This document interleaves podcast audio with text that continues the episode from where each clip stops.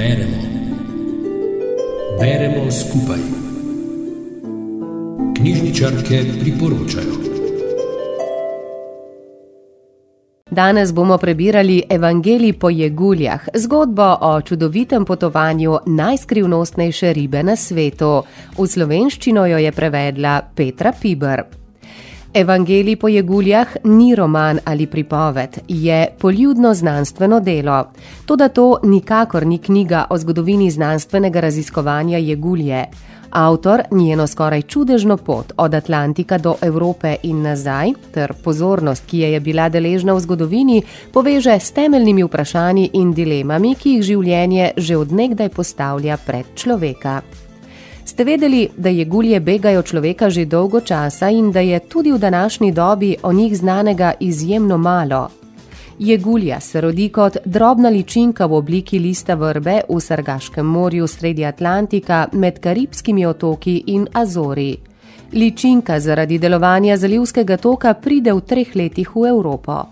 Tu se najprej spremeni v stekleno in na to, preden zaide v sladko vodo, v rumeno jeguljo. Te kačaste ribe živijo samotno življenje in se skrivajo pred svetlobo in znanostjo. Po desetletjih življenja v sladkih vodah jih nevidne sile vlečejo nazaj v rojstni kraj. Rumena jegulja postane srebrna, razvijajo se ji razmnoževalni organi, okrepijo se ji plavuti, da se lažje vrne v Atlantski ocean in naprej v Sargaško morje.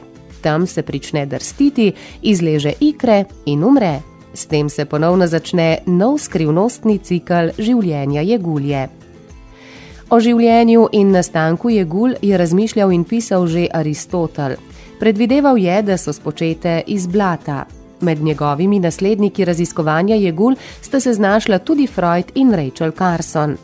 Eden izmed avtorjevih najljubših raziskovalcev jegul pa je znanstvenik Johannes Schmidt, ki se je odločil, da bo jeguljem sledil do njihovega kraja izvora.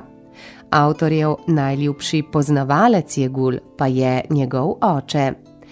Patrick Svensson se spomini vrača v dom svojega otroštva, opisuje odnos med očetom in sinom ter se dotika človeških vprašanj o življenju in smrti.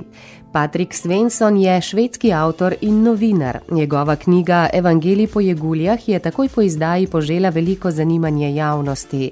V manj kot letu je avtor prodal avtorske pravice za prevode v 33 držav, isto leto pa za svoje delo prejel tudi najvišje švedsko priznanje za dokumentarno knjigo.